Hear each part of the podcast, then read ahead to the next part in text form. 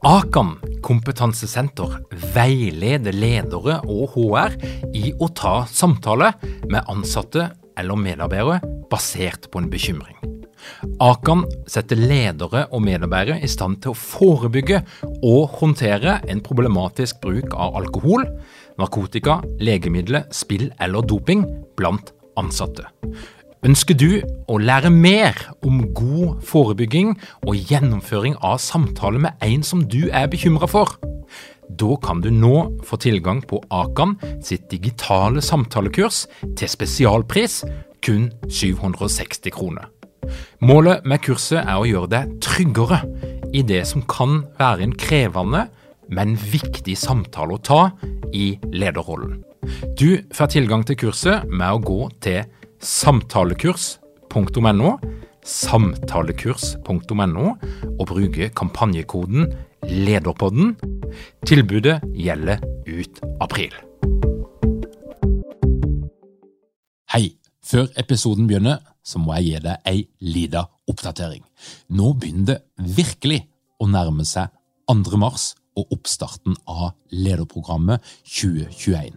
Vi får daglige påmeldinger. Det er faktisk i ferd med å fylles opp, og det er ledere ifra alle mulige typer bransjer fra hele landet som har valgt å bli med. Og fellesnevneren for de alle sammen det er at de ønsker utvikling, de ønsker å lære noe nytt, de ønsker å bli oppdatert, de ønsker å bli inspirert, og de ønsker å stå så rusta som mulig for å håndtere de endringene som måtte komme i år og i det som vi er foran oss.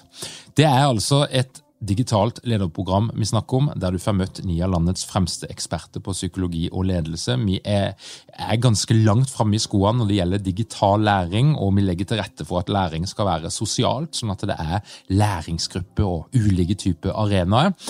Og hvis du er nysgjerrig, så er det fremdeles noen ledige plasser, og du kan gå inn nå på lederprogrammet.no, lederprogrammet.no, hvis du har lyst til å bli med på dette her, som altså starter 2. mars.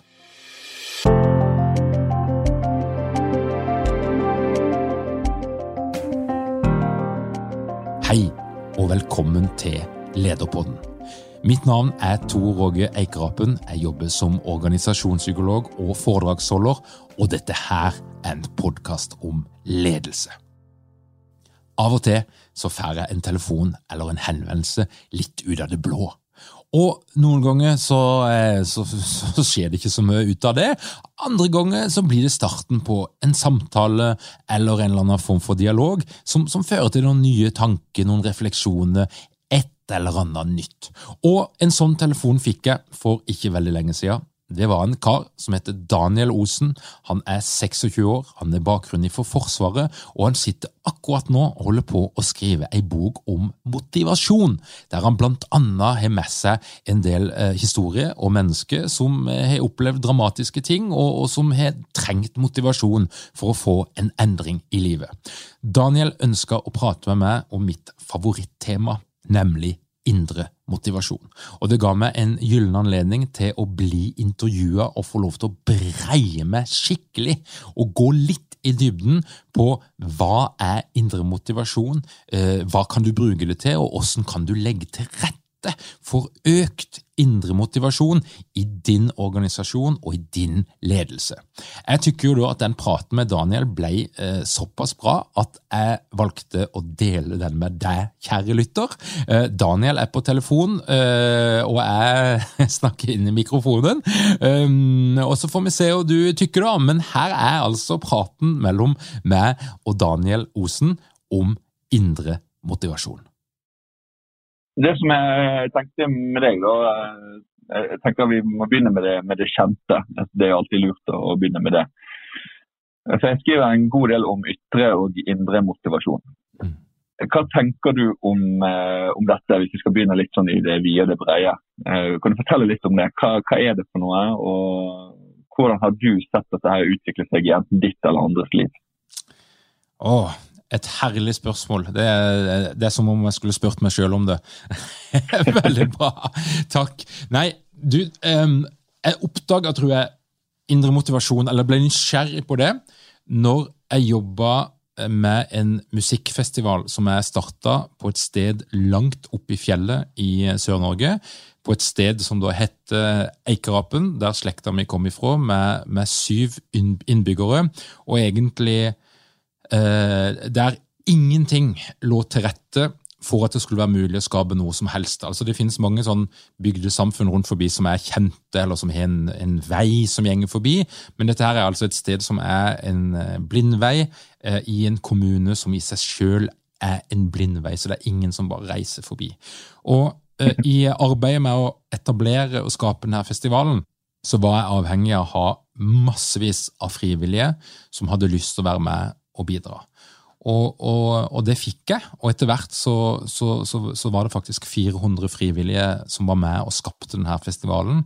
Den fins fremdeles i dag i et litt mindre format, men mange av de frivillige som, som på den tida ble med, og jeg starta den i 2004, så det begynner å bli en god stund siden, um, de er der fremdeles. Men, men det jeg la merke til, det var jo at wow, for en ekstrem innsats som de her menneskene yter for, altså, de sto på døgnet rundt, og de jobba seint og tidlig, og de gjorde alt som var i sin makt for at vi skulle klare å skape dette her, eh, litt umulige prosjektet, nemlig å lage en stor musikkfestival på et sted der det nesten ikke bor folk, og der alle gjester må reise ganske langt vekk ifra og, og, virkelig ville det for å komme der. Så et litt umulig prosjekt, men en ekstrem innsats fra frivillige gjorde at vi, vi klarte å, å, få det til.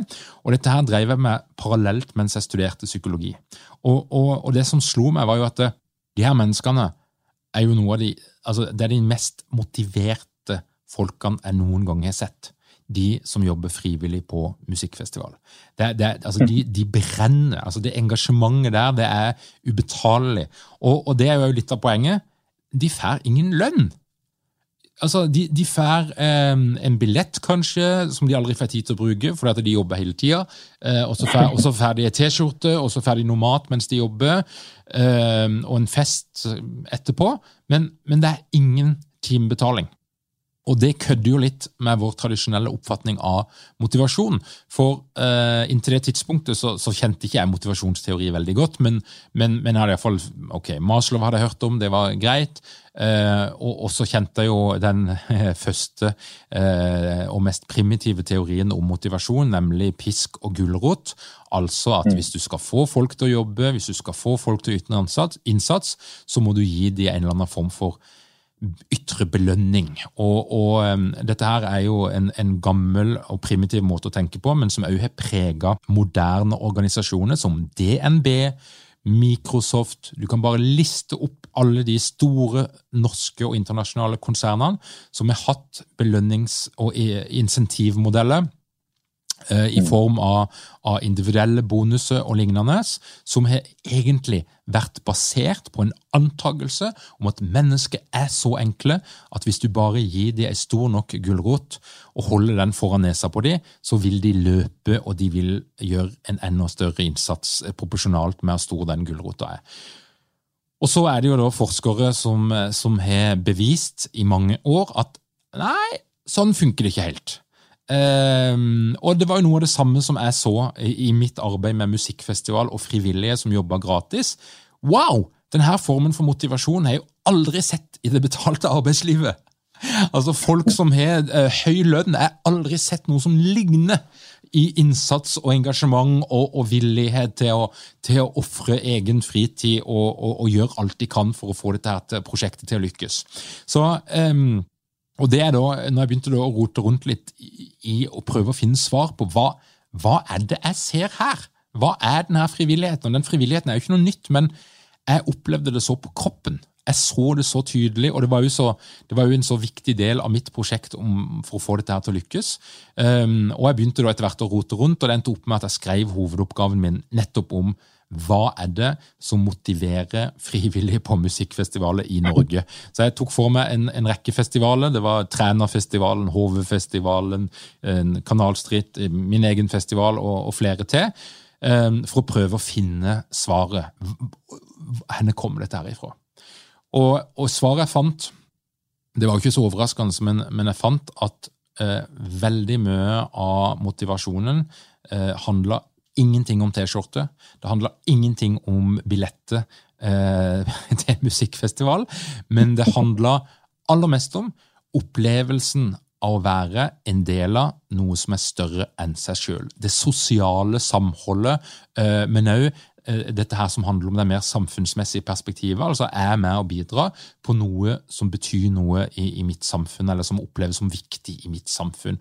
Og Da er vi jo på den tredje, tredje faktoren. og Hvis vi skal inn i teorien, så snakker vi da om Desi og Orion fra um, Universitetet i Rochester, som, um, som mm. på midten av 80-tallet uh, begynte å publisere uh, artikler som etter hvert ble til boka om, om uh, selvdeterminasjonsteorien, Self-Determination Theory, som altså er beskrivelsen av hvordan mennesket blir motivert av behovet for mestring, autonomi, selvbestemmelse og relatedness, eller altså behovet for å være en del av noe som er større enn seg sjøl. Eh, Daniel Pink, som er en journalist, han har popularisert denne teorien i boka Drive, som kom i 2009, og, og gjort det kanskje mer, mer, tilgjengelig. Men det er Desi Ryan som på en måte har gjort den eh, store, tunge jobben med å dokumentere hvorfor indre motivasjon funker bedre enn ytre motivasjon.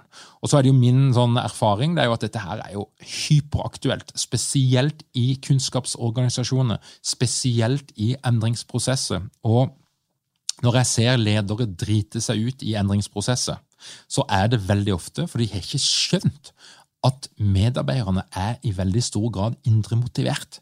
Eh, og derfor driter de seg ut og setter det litt på spissen, men, ja. de, men, de gjør faktisk det. Eh, og jeg setter f.eks. i kommunesammenslåinga, som, eh, som, veldig mange har blitt eh, utsatt for de siste årene, mm. så jeg har sett ledere som har gått på scenen på en sånn type allmøte og nærmest gjort narr av medarbeidere som har motstand og negative reaksjoner på å bli slått sammen med en annen organisasjon. Uh, og, og, og der, de, der, de, begynner å snakke om altså at vi er, vi er, Jeg tror det var en som sa noe sånt som at det, det, det viser hvor langt opp i Maslows behovspyramide vi er, osv. Men det de ikke har skjønt, da, det er jo at veldig mange medarbeidere spesielt altså, de som jobber med en eller annen form for kunnskap, og det gjør jo mange i dag, eh, der er det andre drivkrefter enn f.eks. det å i seg sjøl ha en fast jobb. Sånn at Det som mange av de her lederne i Kommune-Norge har gjort, det er at de gjenger på scenen og så sier de noe sånt som at ingen skal miste jobben. Alle skal beholde pensjonsordningene sine og beholde lønna. Og så tenker de at da har de på en måte gitt svaret. Dette her kommer til å bli bra. Men det som eh, skjer i andre enden hos de her indremotiverte menneskene, det er jo at det, det, er jo ikke det å beholde jobben de er opptatt av. De kan få jobb andre steder. Eh, hvis, de, mm. hvis, de, måtte ønske det. Det handler jo ikke bare om å ha en jobb. Altså det, det, blir en veldig, en, en veldig, primitiv antakelse om sine ansatte, som jeg vil nesten si er eh, nedverdigende, rett og slett. Altså, eh, men flinke folk som er indremotivert, de jobber i en kommune for eksempel, fordi de brenner for faget sitt, fordi de er eh, motivert av å, å, levere et samfunnsoppdrag, og de føler en tilknytning. De er stolt av faget sitt og måten de gjør jobben sin på. De er stolt av kollegaene sine, og de er glad i det fellesskapet som de da har vært en del av.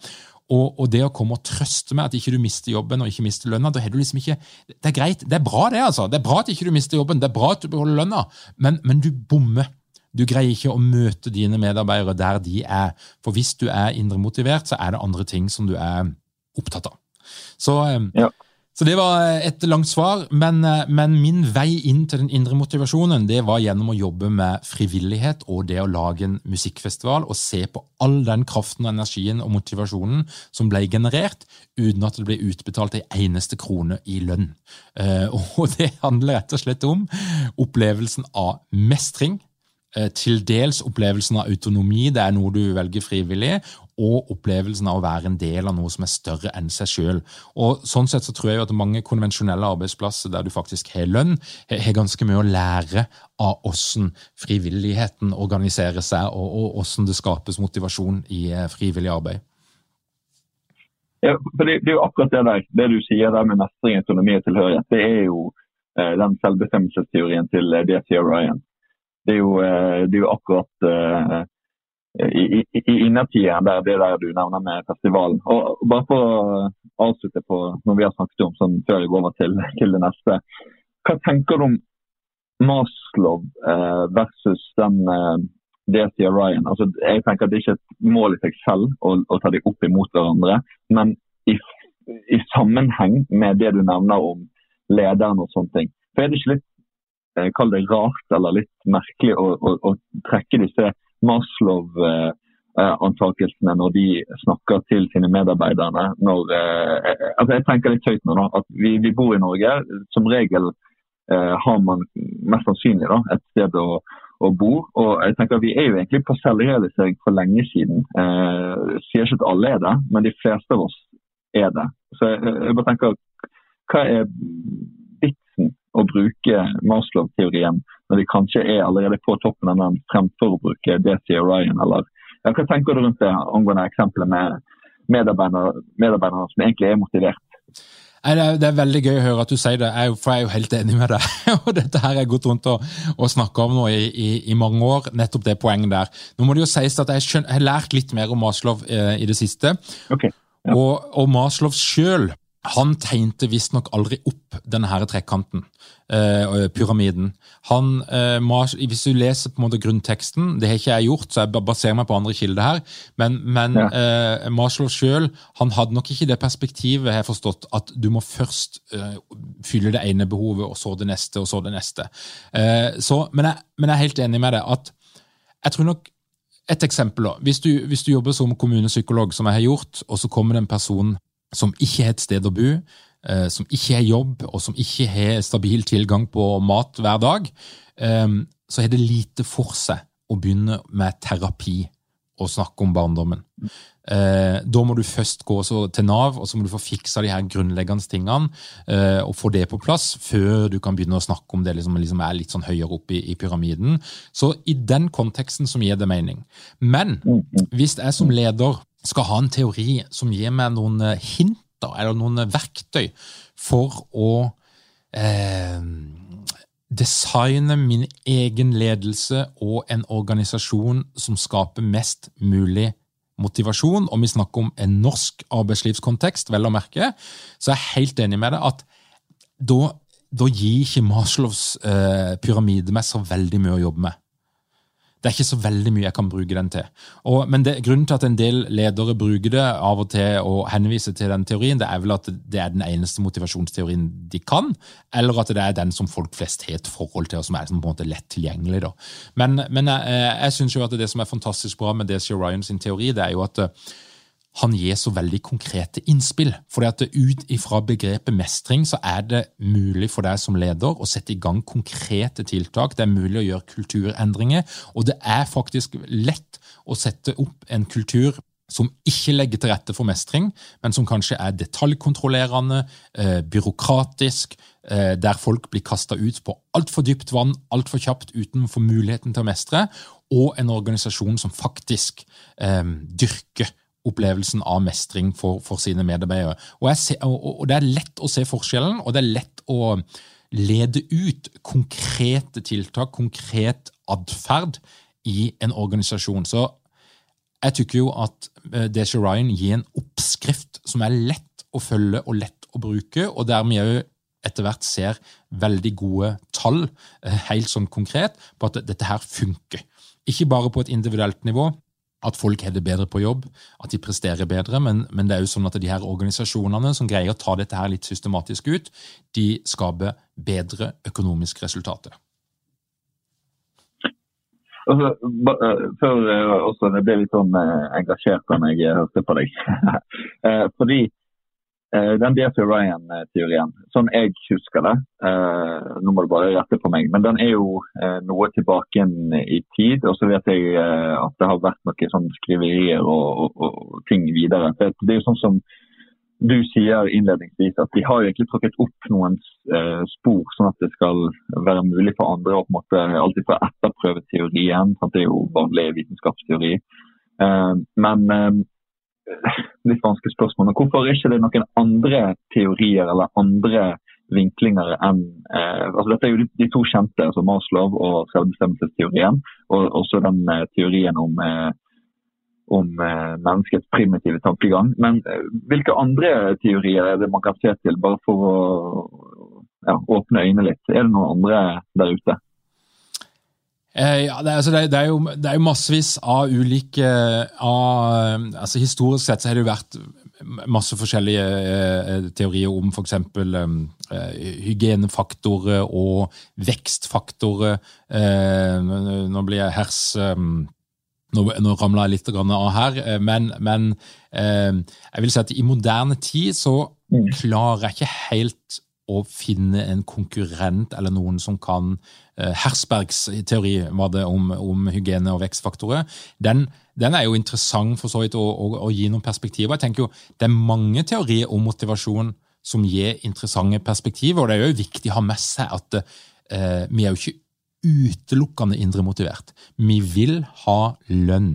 Vi blir trigga av ytre belønning i visse kontekster. Og det finnes òg visse arbeidsoppgaver og type eh, virksomheter der, der eh, en ser at ytre belønning fungerer veldig bra. F.eks. hvis du driver med et veldig sånn rent form for salg, eller lite komplekst form for salg, så kan en se at eh, folk som da får prestasjonsbasert lønn, det, funker som bare juling.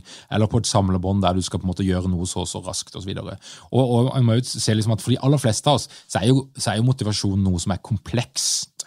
Eh, noe som, som, eh, som, ikke bare er én faktor. Det er mange ting som spiller sammen. Eh, og Det kan jo kanskje være sånn at i diverse livsfaser så vil du ha litt ulikt fokus. Det kan være sånn at under covid så blir det viktigere for deg å, å ha trygghet. Sånn at du er mer opptatt av ytre belønning, fast lønn, fast jobb, enn mestringselementet. Så det er et komplekst bilde.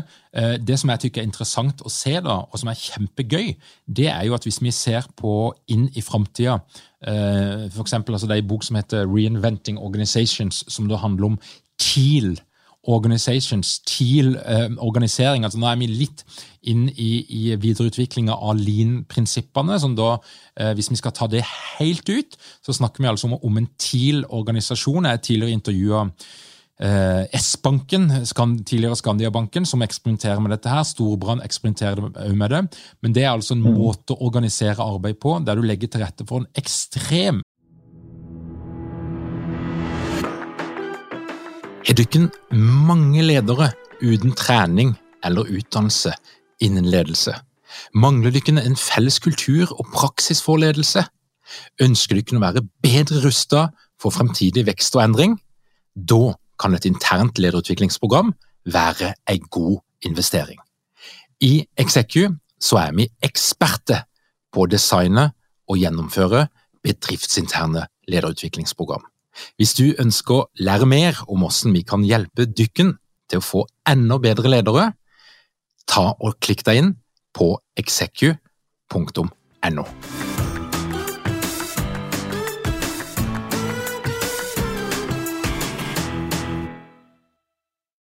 grad av autonomi og mestring. Um, og der vi snakker om autonome team, altså at du nesten eliminerer ledelse som sådan. Du tar vekk ledelse, og så har du isteden en hel haug av små såkalt autonome team som styrer seg sjøl. Ehm, og så må du ha en eller annen form for kontroll, men altså den tradisjonelle tankegangen rundt ledelse forsvinner. Og eh, flere og flere organisasjoner de er i ferd med å gå den veien. Eh, Spotify er et eksempel som eksperimenterer hardt med dette. her, Men altså organisasjoner som ligger langt framme og som har en ganske markant posisjon i sitt marked, og som ønsker å beholde den. En ser altså at de i større og større grad organiserer seg på en måte som, som er bygd på prinsippene fra indre motivasjon. Så det vil si at eh, Teoriene eh, fra DC Ryan de er høyaktuelle fremdeles, men de blir tatt inn i litt, litt sånn nye uh, sammenhenger. Uh, uh, men, men, når vi ser på moderne måter å organisere arbeidslivet på, så er det faktisk sånn at når du begynner å grave litt i det, så er det teoriene fra DC Ryan som ligger der. Ja, de, de nyansene du, du, nevner, det er jo utrolig bra. for Jeg holdt på å skyte inn noe greier men så du, du favnet jo om egentlig absolutt alt jeg har av, av kort. Så det, det, var veldig bra.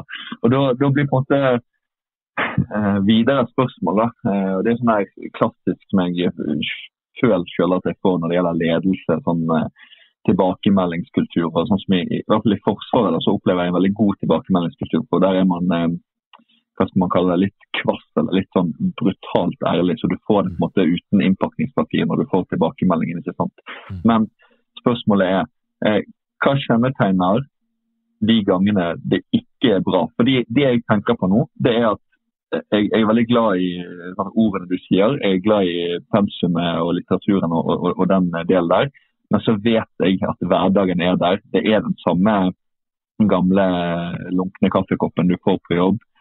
Kontormøblene ikke sånn som du skulle ønske at de var. Ledelsen ja, det blir ikke så lett å snakke med han eller hun og sånne ting. Så, så, så den der, eh, Kall det totimersforedraget man har, eller sånne ting, så kommer man tilbake til eh, arbeidshverdagen. Hva er det som kjennetegner at man, eller at organisasjonen ikke klarer å ta tak, eller at det går dårlig, da, for å si det sånn? Hva som kjennetegner organisasjoner der det gjenger dårlig, det er det som er spørsmålet? Ja, og da spesielt når det gjelder det med sant, hverdagen. Eh, ting er ikke så lett, eller folk føler at det, det er tungt. Sant? Det, går på, det går på hodet. Sant? Det går på hvordan man eh, opplever hverdagen sin sånn motivasjonsmessig. Ja, og det, og det, er jo livet, tenker jeg. altså, altså en, en, jobb vil ha perioder der det, er, der det er kjedelig, og der det er noe dritt, og, og der ting ikke funker. Og, og, det handler jo egentlig mest om hvilke idealer er det vi skal strekke oss sette, Hvor skal gjennomsnittet av min dag på jobb være? Og, og, eh, Hvis du spør om hva som kjennetegner de organisasjonene der de en måte ikke får det helt til, da, så vil jeg jo eh, dessverre måtte si at um, erfaringsmessig så, så, så, sitter jo hver enkelt med noe ansvar. Altså, du er en bidragsyter på din jobb.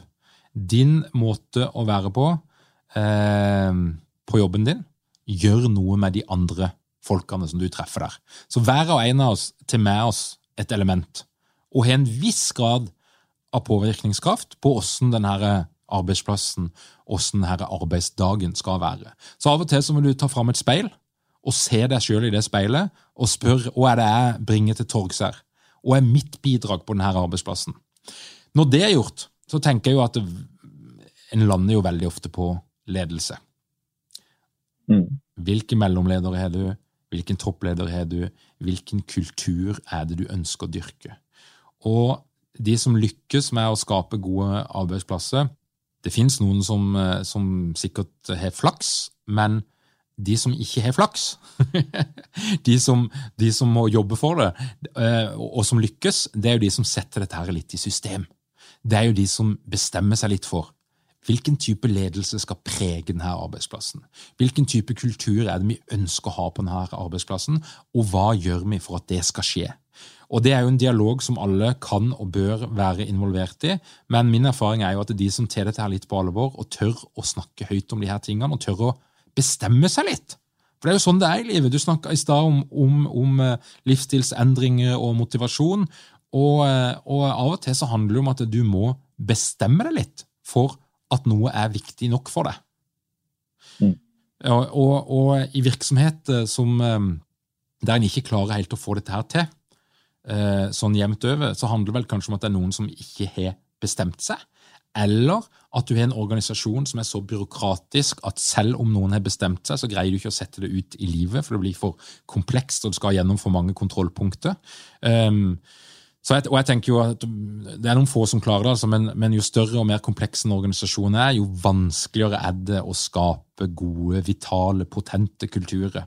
Eh, og Så finnes det noen unntak, og, og Microsoft ser for ut som de har noen spennende og kule ting på gang, bare for liksom å, å trekke det litt ut. Men, men, men eh, for min del altså, så syns jeg jo at de her store organisasjonene, der skal, du, der skal du jobbe litt altså, for å få de til å oppleve som, som vitale, potente og, og, et kult sted å, å være. For, eh, for, det blir automatisk en del byråkrati som lett dreper eh, den godfølelsen. Når vi, når vi, er inne på det? Altså, som du nevnte, Det er jo en del av, eh, av livets gang, det her. og det, jeg tenker det er utrolig viktig. Eh, for Jeg har jo på en måte mine tanker, sant? men så synes det er jo kjekkest å spørre deg før, før jeg på en måte supplerer. For det er jo akkurat det jeg også har sett da, når jeg har snakket med de ulike personene. Sant? Og hørt hvordan livet til altså, Kall det gjerne et speilbilde av mangfoldet. Sant? Alt fra de som har et helt normalt liv, som eh, han ene intervjuet sa. Han sa det at eh, jeg skjønner spørsmålet litt, men eh, helt ærlig så har jeg det egentlig helt fint. Ting går rundt. Jeg er av og til lei meg, av og til er jeg stresset, av og til er jeg sliten. Men noen ganger så er jeg glad, har overskudd. og så, så han var ikke sånn han forsto spørsmålet, men samtidig så var det ikke noe å, å bemerke seg for uh, hans del. Men hos andre så var det mer uh, kall det synliggjorte topper og, og, og bunner. Eh, men, men, til akkurat det der. Eh, kall det ja, at Jeg er jo ikke at Jeg har et ambivalent forhold da, til disse listene, eller eh, topp ti eh, bud og sånne ting. Men samtidig så skriver jeg handleliste for å handle på eh, Rema 1000. Jeg bruker tankekart, ikke sant. Hva, hva tenker du om eh, bruk av lister eller oppskrift fra å gå fra det ene til det andre. Hva erfaringer er det du har, og hvordan er det, ja, hva tenker du om det egentlig? Eh, eh, nei, det, det, som jeg liker med det, da eh, altså, Da, da snakker vi litt sånn pedagogikk, egentlig. Og mm. det er vel en del forskning som tyder på at forenkling funker bra. Mm. Eh, så hvis du nå snakker om det fenomenet fem måter å gjøre ditt på, eh, syv måter å gjøre ditt på. altså Det er jo han, eh, han godeste Sven Brinkmann, professor i psykologi med Universitetet i Århus, eller Aalborg. Han, altså, som har denne boka 'Står fast', der det er på en måte syv veier til et bedre liv, og der en av de er å stoppe med, med, med selvutviklinga. Uh, og, og, si opp coachen din. Uh, han gjør jo narr av nettopp dette her eh, fenomenet som vi ser veldig mye på nettet nå. Det er veldig mange som prøver å selge et eller annet gjennom fem veier til et bedre liv. Syv tips for et bedre 2021. Uh, fem triks for en finere kropp i det nye året and so on. Men, um, mm. men, men, det som jeg konkluderer med, da, jeg driver jo mye med kunnskapsformidling, og jeg, jeg driver noe som heter Lederprogrammet, der jeg har ulike leverandører, altså eksperter, som er inne og leverer innhold som de presenterer. Og det jeg ser, det er jo at de som er klart å konseptualisere og forenkle sitt innhold, selv om det er superforskningsbasert, f.eks. Uh, Henning Bang og Thomas Middelfart, som er fantastiske der. altså De, de er grundige akademikere som virkelig har gjort leksa si. De skriver ei bok basert på egen forskning, og det er, det er et, et, heavy grunnlag. Men de klarer allikevel å konseptualisere det de holder på med, sånn at det er lett å forstå det, det er lett å bruke det. Og de bruker jo f.eks. de fem vanligste problemene i ei ledergruppe. Og min erfaring er at det funker mye bedre enn de som har bare slide på slide på slide fulle av tekst og, og, info, som kan være veldig verdifull, men de klarer altså ikke å Og dette her handler om, om eh, nevropsykologi, altså det handler om hvordan prosesserer vi informasjon. Og det, mm, og det, mm. det å, å, bolke ting opp og forenkle og lage fem enkle punkter, ja, det er faktisk lettere enn, enn å fordøye fire tettskrevne powerpoint-slides. Så jeg heier på liste og jeg heier på forenkling, selv om, selv om du kan godt si at eh, noen av de her listene kan bli litt fordummende, for at det er, så, det er så idiotisk, det som ligger bak der. Eller det ligger kanskje ingenting bak der, men, men sånn generelt som et pedagogisk prinsipp for å formidle informasjon og kunnskap og gjøre det lett tilgjengelig, så syns jeg liste er helt glimrende. Og, og, jeg ser jo at det er jo en grunn til at det blir brukt så mye som det det gjør. Det er jo at det funker, det appellerer. Så hvis du f.eks. Mm. legger ut en artikkel på LinkedIn, som jeg gjorde i går Så, så, så, begynte, så, begynte, jeg med fire faktorer, men så, hørte jeg det blir altfor sånn forskningsmessig, så jeg måtte skrive fire tips. Og, og, og den uh, artikkelen er jo noe av det mest uh, klikka på som jeg har lagt ut på, på lang lang tid. sånn at det, det, funker jo, folk liker det. for det, det, mi, mi, Oppmerksomheten vår er begrensa.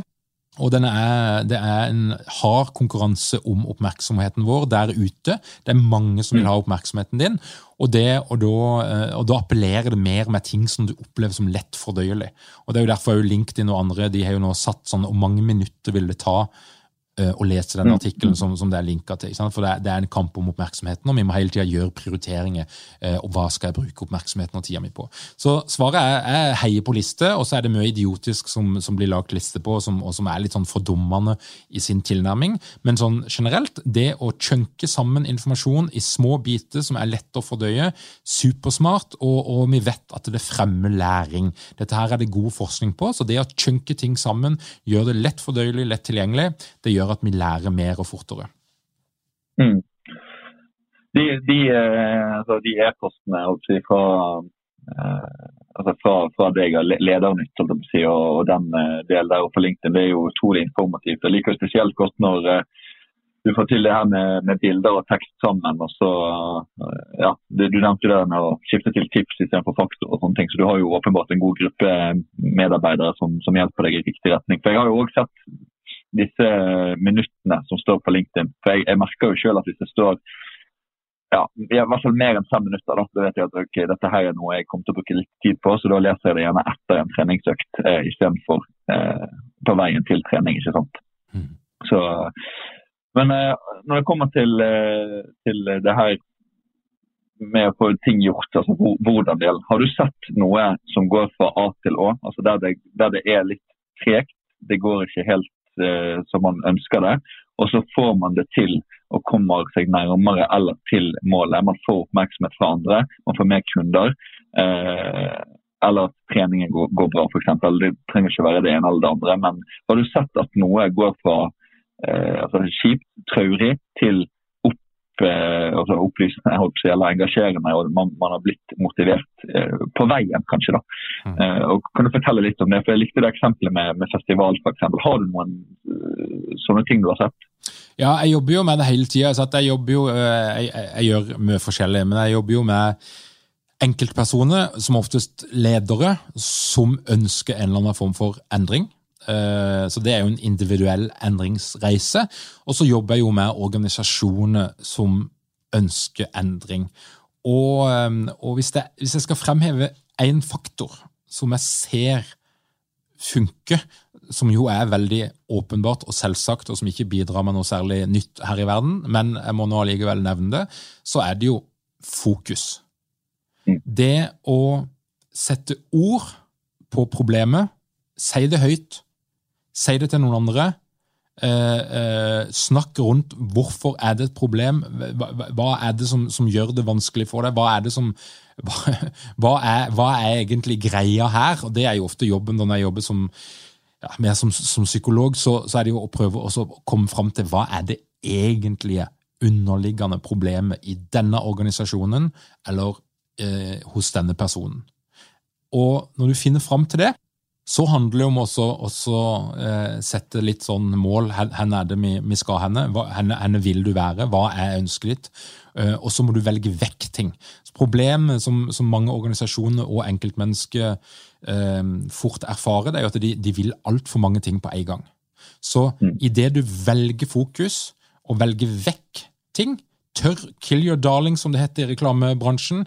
Eh, men, men, altså Fjern de tingene som du altså, Ja, det er massevis av ting du vil, men du må velge den ene tingen. Ett fokus. Det er det jeg skal oppnå de her seks månedene, de her fem månedene foran meg. Det er den tingen der jeg skal bli god på. Jeg skal ikke bli god på alt, men jeg skal, jeg skal, jeg skal bli god på dette her. Det er foredrag som skal bli min greie. Det er digitale lederprogram som skal bli min greie. Det er podkast som skal bli min greie dette her halvåret. Det er det jeg skal fokusere på, og så skal jeg holde distraksjonene vekke. Og, og, og, men det er der mitt hovedfokus skal være. Um, og, og erfaringa mi gjør òg, det er jo at um, vi jobber jo ofte med sånn type utviklingsplan og, og, og, den slags, der du definerer problemet og hva du vil. Og så bruker vi jo ganske mye tid på å snakke om hindringer. Hva er det som hindrer deg for å nå det målet?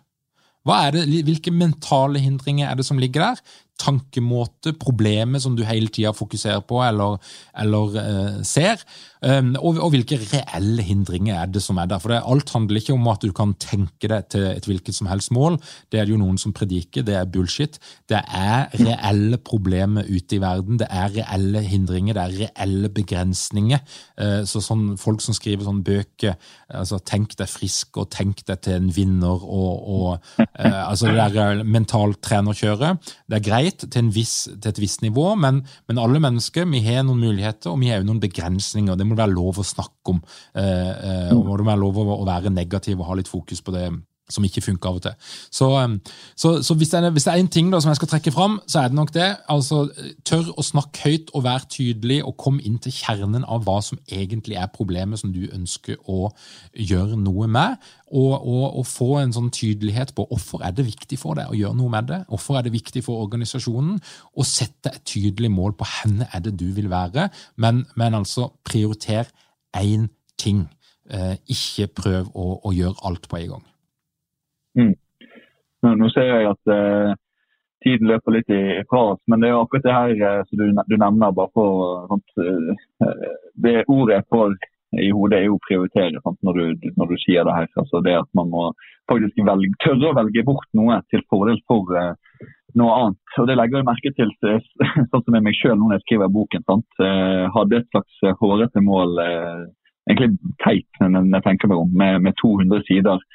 Så kom jeg plutselig langt over 200 sider, og så tenkte jeg ingen orker å lese alt det her. Her må jeg være litt mer konkret. Uh, og være litt mer uh, Man må krydre maten litt, ikke sant? sånn at det ikke blir bare masse vitenskapsteori og her sier noen det, og her sier noen det andre. Så det, det med å slette noe, sånn at uh, serveringen blir noe mer sexy da, enn bare masse skrift. Og De der tunge powerpointene som refererer til, mye skrift, hvordan er det folk tar inn over seg eh, ny kunnskap eller ny eh, tekst når, når, når, noen snakker til dem. Og Det har jo alltid fra med stemmeleie å gjøre, og hvordan du er, og om det er forstyrrelser i rommet. og sånne ting. Dette er sånne ting jeg har tatt med meg fra pedagogikken og prøvd å skyte inn i boken. sånn at uh, den som leser da vil få en, uh, en, hyggelig opplevelse. Men det skal ikke være sånn at det blir for hyggelig og klovnete og bare stjele oppmerksomheten, men det skal ha eh, faktum Mm. Ekte historier, og, og, det er det. Mm. Det høres veldig bra ut. Jeg gleder meg til å se boka di. og øh, Nå må jo du øh, gå ut der, for det er jo en sånn motivasjonsfaktor. Det er jo i det du har sagt høyt at jeg skal skrive den boka, og den skal være klar når. Mm. Mm. Nå, ja. tør, du å, tør, du å, love noe? Altså, jeg har jo en avtale med forlaget, det har jeg. Eh, og det som er sagt og enighet om og lagt mål om, det viktige med tanke på motivasjon. Eh, målet er august. Det er, så bare det å si en måned høyt, det tenker jeg er lov. August 2021 da kommer boken ut. Det er det jeg sier til deg. veldig veldig bra, Daniel. For da eh, vet du at uh, sannsynligvis så hører altså alle Lederpoddens uh, lyttere på dette her. Dette her blir en, en Lederpodden-episode, så nå har du noen tusen mennesker som forventer å se ei bok eh, komme ut i august. Så bare husk det. Veldig bra, men det, det er sånn jeg liker det. Igjen, sånn som du sa, Sier man det høyt for seg sjøl, for andre, for de der ute, så tenker jeg at det er større sjanse for å gjennomføre òg. Ja, Nydelig. Så bra! Greit. Det her var eh, supert. Da håper jeg du har fått eh, noe som du kan bruke i ditt eh, ambisiøse bokprosjekt, Daniel? Ja, det har jeg absolutt. Det, jeg skrev ned noen stikkord. og selvfølgelig Noe var jo kjent fra før, og sånne ting, men jeg synes du, du, legger veldig gode ord på det. og sånn at Det blir litt mer eh, ja, utfyllende enn kun en YouTube-video. og I tillegg så opplever det mye mer personlig. ikke sant? Og det, Jeg syns det var veldig kjekt å, å, skrive det ned. Det jeg tenker å gjøre, da, jeg skriver eh, ja, Man kan kalle det et eh, helt vanlig utkast, og så sender jeg det bare til deg, og så får du se eh, hva du tenker om det. Helt nydelig. Ja, Greit. Tusen takk. Veldig hyggelig. Vi snakkes. Da snakkes vi. Lykke til. Ha det godt. Kjære lytter. Takk for at du hører på Lederpodden. Hvis du ønsker å bli oppdatert på alt det vi finner på av webinarer, livestreaminger, det ene og det andre, så kommer du deg rett og slett bare inn på lederpodden.no. Lederpodden.no. Det er òg lov å rate oss på, på iTunes eller hvor det måtte være, hvis du liker det du hører. Og hver gang du rate oss eller skriver en kommentar, så gjør det at det flere får sjansen til å oppdage Lederpodden. Men Takk for at du hørte på i dag, og jeg ønsker deg bare ei riktig god uke.